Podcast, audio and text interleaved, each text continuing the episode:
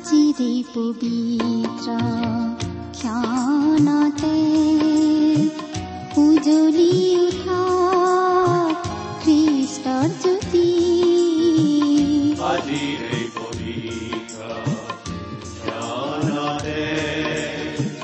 উজ্বলি উঠা খ্ৰীষ্টৰ জ্যোতি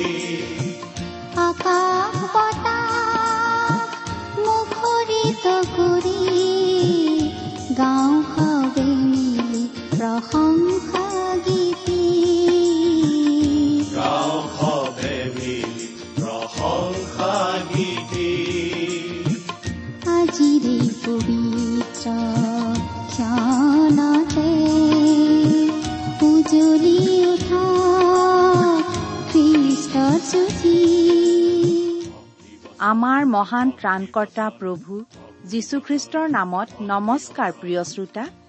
এয়া মুকলি কৰিবলৈ লৈছো বাইবেল অধ্যয়নৰ ধাৰাবাহিক অসমীয়া অনুষ্ঠান ভক্তি বচন।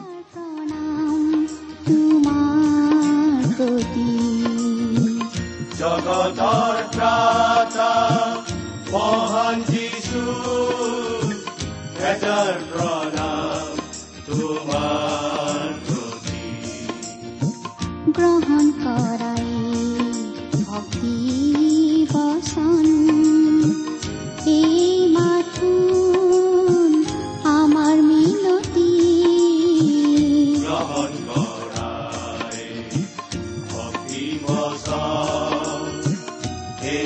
মাথো আমাৰ মিনতি।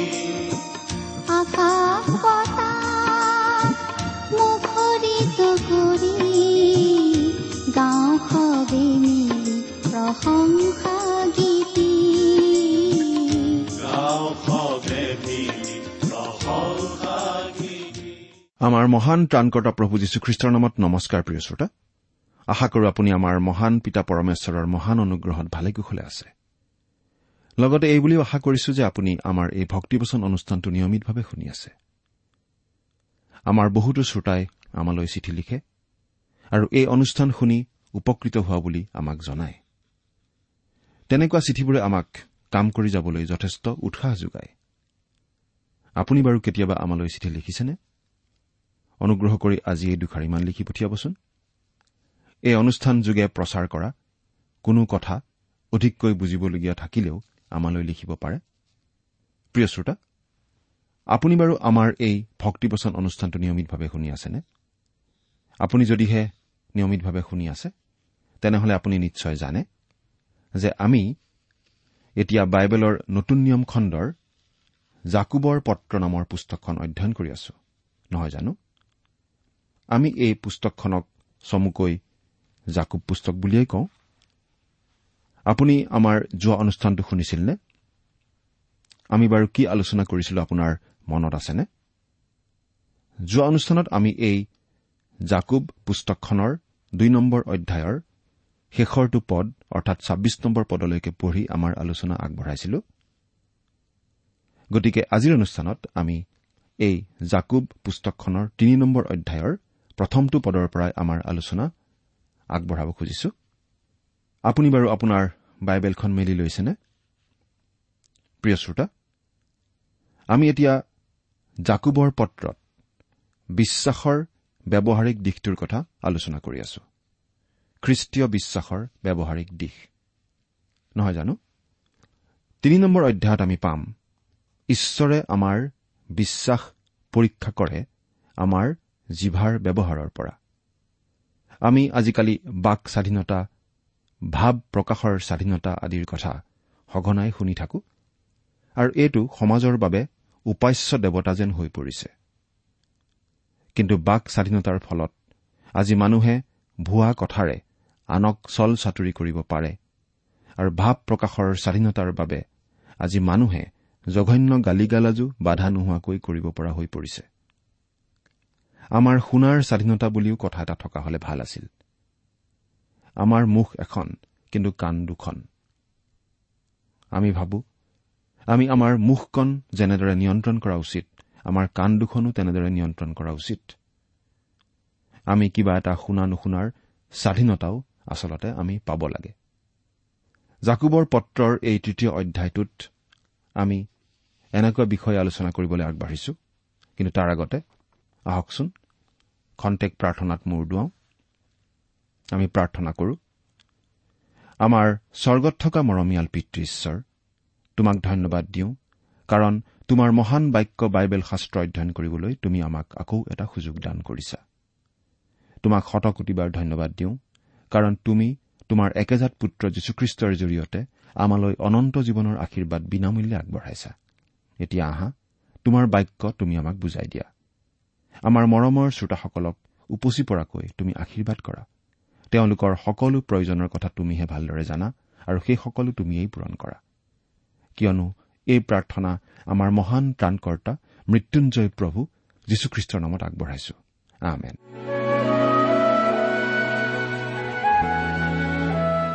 প্ৰিয় শ্ৰোতা জাকুবৰ পত্ৰৰ এই তৃতীয় অধ্যায়টো আচলতে ঈশ্বৰৰ বিশ্ববিদ্যালয়ত বাক স্বাধীনতা বুলি আমি নামাংকিত কৰিব পাৰোঁ। ঈশ্বৰে আমাৰ কথা বতৰা শুনি থাকে। এইবুলিও আমি এটা নাম এই অধ্যায়টোৰ দিব পাৰোঁ। আমাৰ সকলো ধৰণৰ কথা বতৰা ঈশ্বৰে শুনি থকাৰ সম্পূৰ্ণ অধিকাৰ ঈশ্বৰৰ আছে। বহুদিন আগৰ পৰাই তেওঁৰ অধিকাৰ আছে। আৰু আপুনি মই কোৱা সকলো কথা তেওঁ ইতিমধ্যে শুনিছে। হিচাপ কৰি দেখা গৈছে যে সাধাৰণতে মানুহ এজনে দিনটোত প্ৰায় ত্ৰিশ হাজাৰটা শব্দ কয়। তাতকৈ বেছিকৈ কোৱা মানুহ অৱশ্যে বহুতো আছে। ইমানবোৰ শব্দেৰে এখন ডাঙৰ কিতাপ হ'ব। আমি ইতিমধ্যে কৈ অহা শব্দবোৰ লিখি থোৱা হলে এটা পুথিভঁৰাল হ'ব। কিন্তু ঈশ্বৰৰ হাতত সেই সকলোবোৰ শব্দ আছে। কাৰণ তেওঁ আমাৰ সকলো কথা বতৰা শুনি থাকে। কথাটো এবাৰ চিন্তা কৰি চাওকচোন। বাক স্বাধীনতাৰ অপব্যৱহাৰ আমি আজিকালি সকলো পিনে দেখি থাকো। আনকি আমাৰ খ্ৰীষ্টীয় মণ্ডলীসমূহতো ইয়াৰ অপব্যৱহাৰ আমি দেখিবলৈ পাওঁ। পৰচৰ্চা পৰনিন্দা আদিৰ যোগেদি। আমি আমাৰ বাক স্বাধীনতা কেনেদৰে ব্যৱহাৰ কৰো? সেই বিষয়ে নিশ্চয় সজাগ আৰু সচেতন হ'ব লাগে। হিতুপদেশ পুস্তকখনৰ নিচিনাকৈ এই জাকুবৰ পত্ৰখনো আমি ঈশ্বৰৰ বিশ্ববিদ্যালয়ৰ এটা বিশেষ পাঠ্যক্ৰম বুলি ক'ব পাৰোঁ। আমি এই বিতৰ্কিত বিষয়টো অধ্যয়ন কৰোতে জাকুব হৈছে ঈশ্বৰৰ বিশ্ববিদ্যালয়খনৰ দিন। আৰু জিভাৰ সৎ ব্যৱহাৰ আৰু অপব্যৱহাৰ সম্বন্ধে তেওঁৰ কবলগীয়া যথেষ্ট কথা আছে। এই পত্ৰখনত আমি দেখিবলৈ পাইছো যে ঈশ্বৰে বিভিন্ন ধৰণে আমাৰ বিশ্বাস পৰীক্ষা কৰে। ইয়াত আমি পাওঁ যে ঈশ্বৰে আমাৰ বিশ্বাস পৰীক্ষা কৰে আমি কেনেদৰে জিভা ব্যৱহাৰ কৰো তাৰ যোগেদি।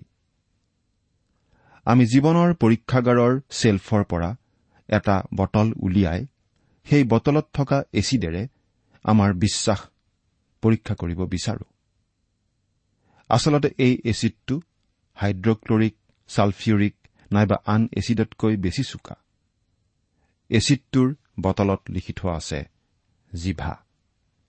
আমি অৱশ্যে জিভাৰ ৰসায়নবিদ্যাৰ কথা ক'ব খোজা নাই জিভাৰ তাত্বিক বিষয়েহে আলোচনা কৰিবলৈ আগবাঢ়িছো। এই বিষয়টো আলোচনা কৰিব বুলি জাকুবে আমাক আগতেই ইংগিত দি আহিছে। এই জাকুবৰ পত্ৰৰ এক নম্বৰ অধ্যায়ৰ ছাব্বিছ নম্বৰ পদত তেওঁ এই বুলি কৈছিল কোনোৱে যদি নিজকে ধাৰ্মিক যেন মানে কিন্তু নিজৰ জিভা দমন নকৰি নিজৰ হৃদয়ক ভুলায় তেন্তে সেই মানুহৰ ধৰ্ম কৰ্ম ব্যৰ্থ। জাকুবে এই বুলিও কৈছিল হে মোৰ প্ৰিয় ভাইবিলাক তোমালোকে জানি আছা কিন্তু প্ৰত্যেক মানুহ শুনিবলৈ খৰ কবলৈ ধীৰ আৰু ক্ৰোধলৈও ধীৰ হওক। এয়া আছিল এক নম্বৰ অধ্যায়ৰ ঊনৈশ নম্বৰ পদ। আমাৰ দুখন কাণ ঈশ্বৰে দিছে। ঈশ্বৰে দুখন কাণ দিছে যাতে আমি যিমান কওঁ তাতকৈ দুগুণ শুনা অভ্যাস কৰো। জিভাই হৈছে পৃথিৱীৰ সকলোতকৈ ভয়ানক অস্ত্ৰ। এই জিভা এটম বোমতকৈও ভয়ানক। কিন্তু ইয়াক কোনেও পহৰা দি থাকিব লাগে বুলি গুৰুত্বই নিদিয়ে। বালামৰ দিনত এটা গাধই কথা কোৱাটো এটা অলৌকিক ঘটনা আছিল কিন্তু আজিকালি গাধবোৰে কথা কবলৈ এৰাটোহে এটা অলৌকিক ঘটনা যেন হৈ পৰিছে। আন এজন লোকে এইবুলি মন্তব্য কৰিছিল এটা কেঁচুৱাই কথা কবলৈ শিকিবলৈ দুবছৰ সময় লয় কিন্তু মুখখন বন্ধ কৰিবলৈ শিকোতে তাৰ পঞ্চাছ বছৰ লাগে। জিভাৰ অপব্যৱহাৰে মানুহলৈ বিপদ মাতি আনে ধ্বংস মাতি আনে। এই বিষয়ে আমি পৃথিৱীৰ বিভিন্ন জাতিৰ বিভিন্ন সংস্কৃতিৰ অনেক জতুৱা ঠাঁচ আদি উল্লেখ কৰিব পাৰো। আমি বিশ্বাস কৰো জিভাখনেই এই পৃথিৱীৰ সকলোতকৈ ভয়ানক অস্ত্ৰ। আমাৰ খ্ৰীষ্টীয় মণ্ডলীসমূহৰ ক্ষয় সাধন কৰে মণ্ডলীসমূহৰ ভিতৰতে থকা এই উই পোকবোৰে এজন লোকে এই বুলি মন্তব্য কৰিছিল আপুনি ব্যক্ত নকৰা কথাখিনিৰ আপুনিয়েই গৰাকী। কিন্তু আপুনি মুখেৰে কৈ পেলোৱা কথাখিনি আপোনাৰ গৰাকী। অৰ্থাৎ এবাৰ কৈ পেলোৱা কথাখিনিৰ ওপৰত আমাৰ আৰু কোনো ধৰণৰ নিয়ন্ত্ৰণ নাথাকে। এতিয়া আমি বাইবেলৰ পৰা পাঠ কৰি দিম। আপোনাৰ লগত যদি বাইবেল আছে অনুগ্ৰহ কৰি চাই যাব। আৰু যদিহে লগত বাইবেল নাই আমি পাঠ কৰি দিলে মন দি শুনিব।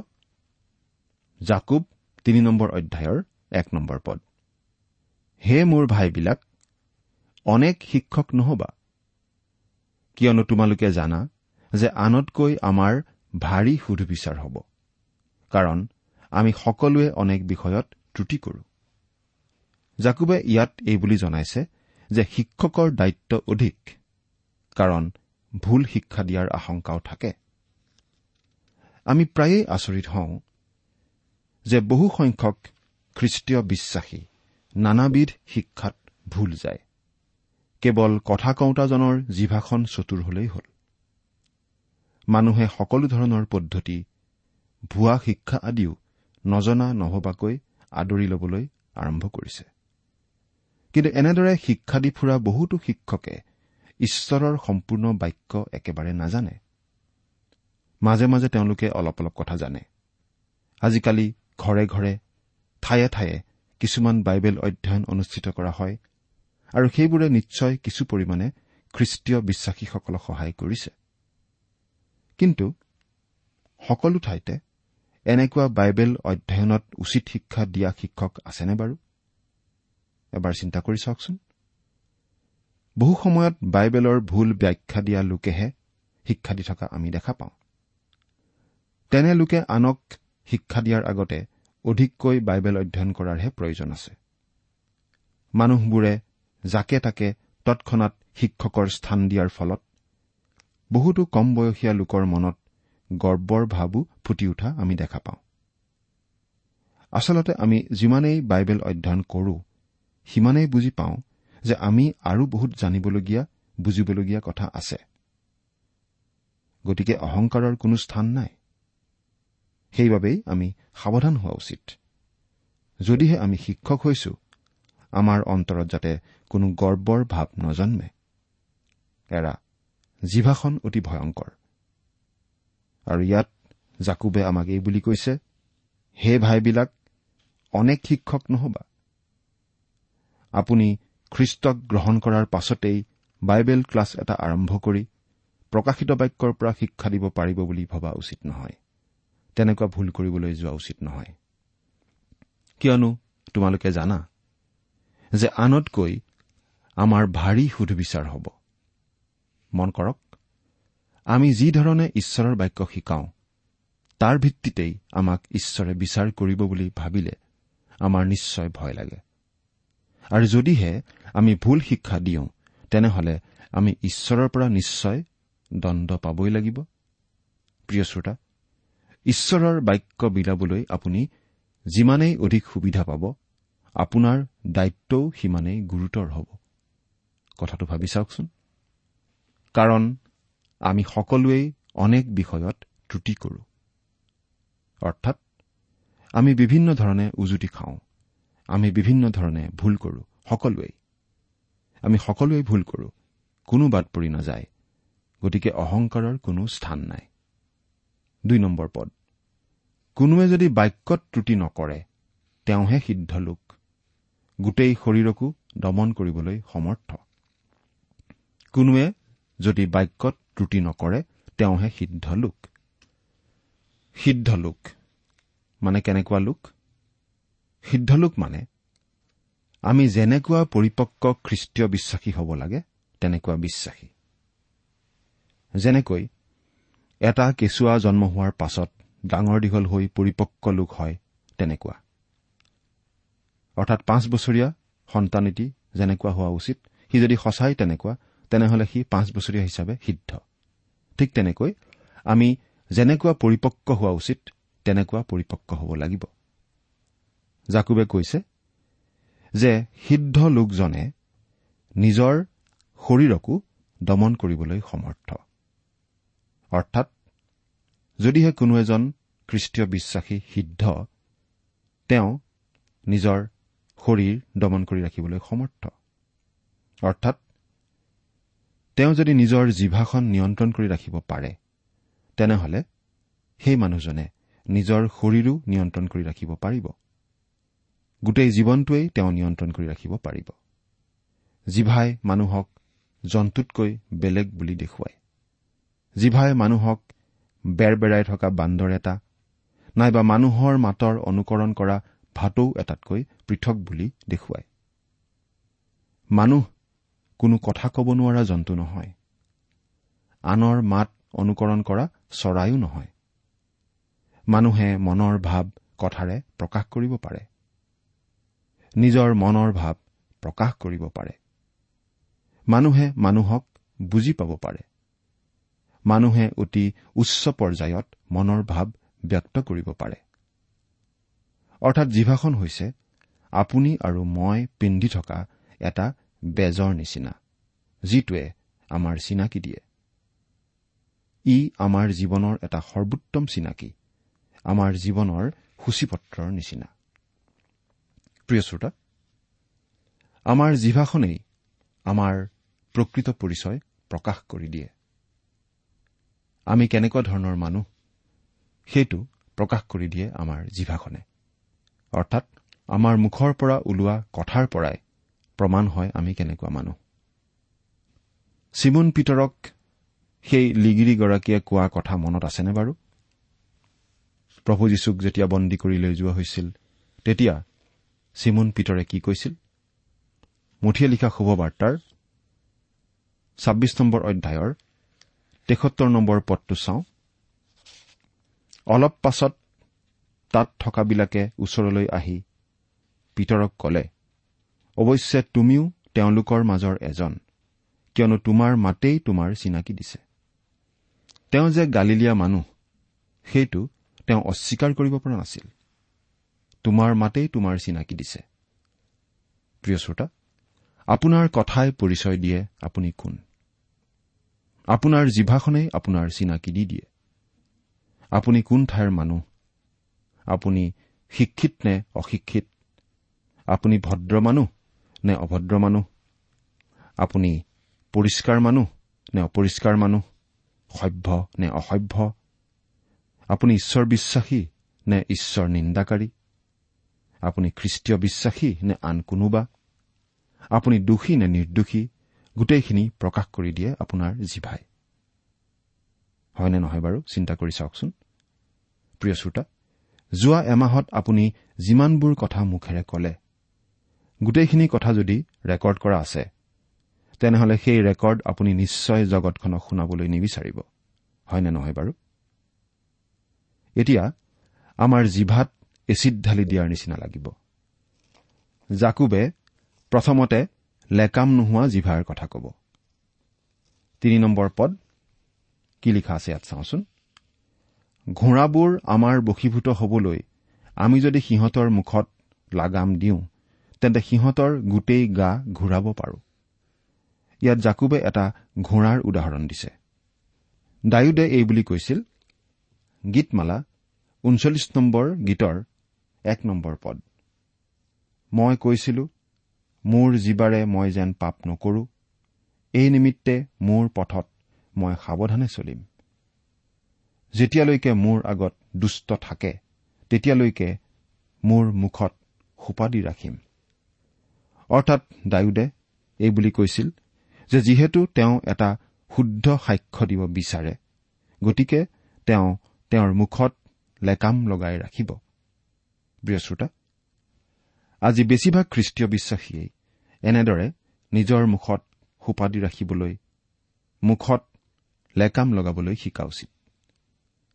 লেকামডাল দেখিবলৈ আচলতে একো শুৱনি নহয়। কিন্তু সেই লেকামেই উটনোৱা ঘোঁৰা এটাও নিয়ন্ত্ৰণ কৰি ৰাখিব পাৰে আৰু ঘোঁৰাটো পলাই যোৱাত বাধা দি ৰাখিব পাৰে। নিয়ন্ত্ৰণ নথকা ঘোঁৰা এটাই মানুহ মাৰি পেলাব পাৰে। নিয়ন্ত্ৰণ নোহোৱা জিভায়ো একেদৰেই বিপদ মাতি আনিব পাৰে। এতিয়া জাকুবে আন এটা উদাহৰণ দি আমি দেখিবলৈ পাম। পদ। আৰু চোৱা জাহাজবোৰ অতি ডাঙৰ আৰু প্ৰচণ্ড বায়ুৰ দ্বাৰাই চালিত হলেও সেইবোৰক অতি সৰু হালিৰে গুৰিয়ালৰ ইচ্ছামতে ঘূৰোৱা যায়। এখন ডাঙৰ জাহাজ এটা সৰু হালিৰে নিয়ন্ত্ৰণ কৰিব পাৰি। সেই সৰু হালিটো বহুতে হয়তো দেখাই নাপায়।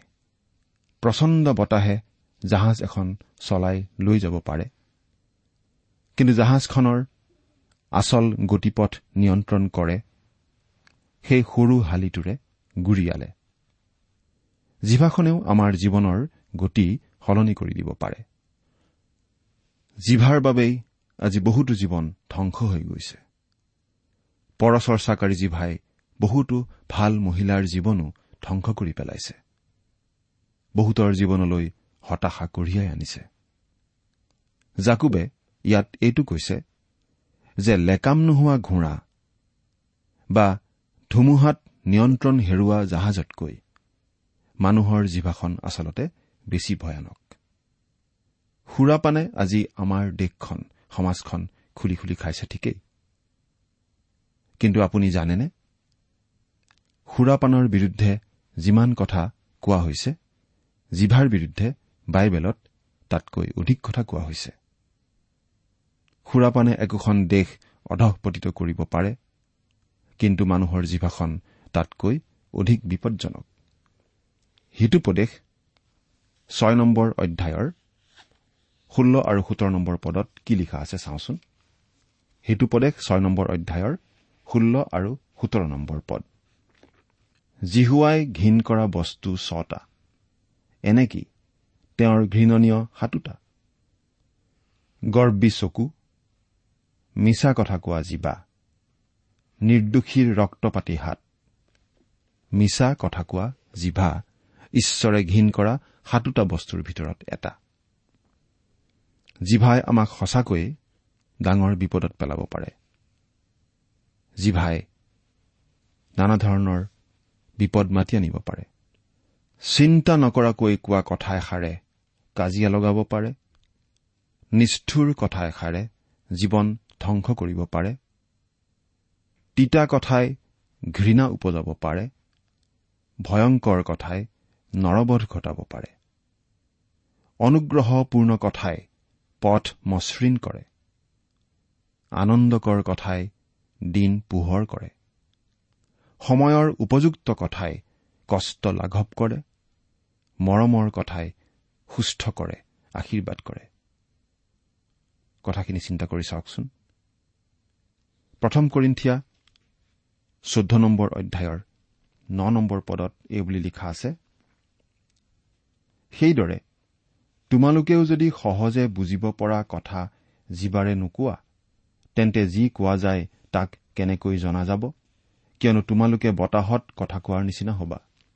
আমি ঈশ্বৰৰ বাক্য কওঁতেও তেনেকুৱা ধৰণেই কবলৈ চেষ্টা কৰা উচিত যাতে মানুহে বুজি পায়। সৰু ডাঙৰ সকলোৱে যাতে বুজি পায়। আমাৰ জিভা আমি তেনেদৰে জানি বুজি ব্যৱহাৰ কৰা উচিত।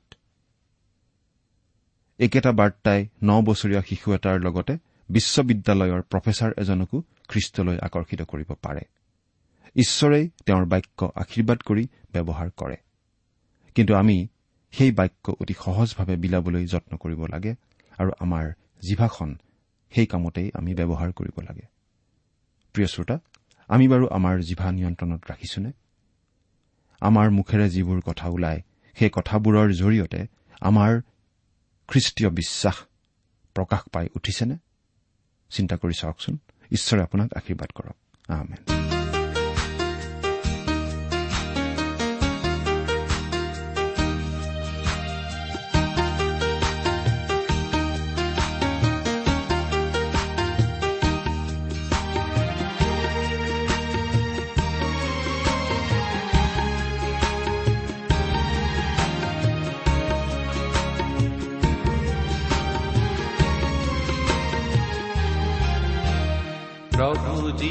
মোৰ পৰিত্ৰাতা তেওঁৱেই জীৱনদাতা। জীৱন তেওঁৱেই সখা মোৰ জ্যেষ্ঠ প্ৰভু মোৰ পৰিত্ৰাতা ইমান পৰে আপুনি ভক্তিবচন অনুষ্ঠানটি শুনিলে। অনুষ্ঠানটি শুনি কেনে পালে আমালৈ চিঠি লিখি জনাবচোন? অনুষ্ঠানত প্ৰচাৰ কৰা কোনো কথা বুজিব লগা থাকিলেও আমালৈ লিখক। আমাৰ ঠিকনা ভক্তিবচন টি ডাব্লিউ আৰ ইণ্ডিয়া। ডাক পাকচ নম্বৰ সাত শূন্য গুৱাহাটী সাত আঠ এক শূন্য শূন্য এক। ঠিকনাটো আৰু এবাৰ কৈছো ভক্তিবচন টি ডাব্লিউ আৰ ইণ্ডিয়া। ডাক পাকচ নম্বৰ সাত শূন্য গুৱাহাটী সাত আঠ এক শূন্য শূন্য এক। আপুনি ইমেইল যোগেৰেও আমাৰ সৈতে যোগাযোগ কৰিব পাৰে। আমাৰ ইমেইল আইডিটো হৈছে Assamese T TV at radio' eight eight two dot com. আইডিটো আকৌ এবাৰ কৈছো। Assamese T TV at radio' eight eight two dot com. আপুনি টেলিফোনৰ মাধ্যমেৰেও আমাক যোগাযোগ কৰিব পাৰে। আমাৰ টেলিফোন নম্বৰটো হৈছে শূন্য তিনি ছয় এক দুই ছয় শূন্য চাৰি ছয় সাত এক। ফোন নম্বৰটো আকৌ এবাৰ কৈছো zero' three six one two six zero' four six seven one.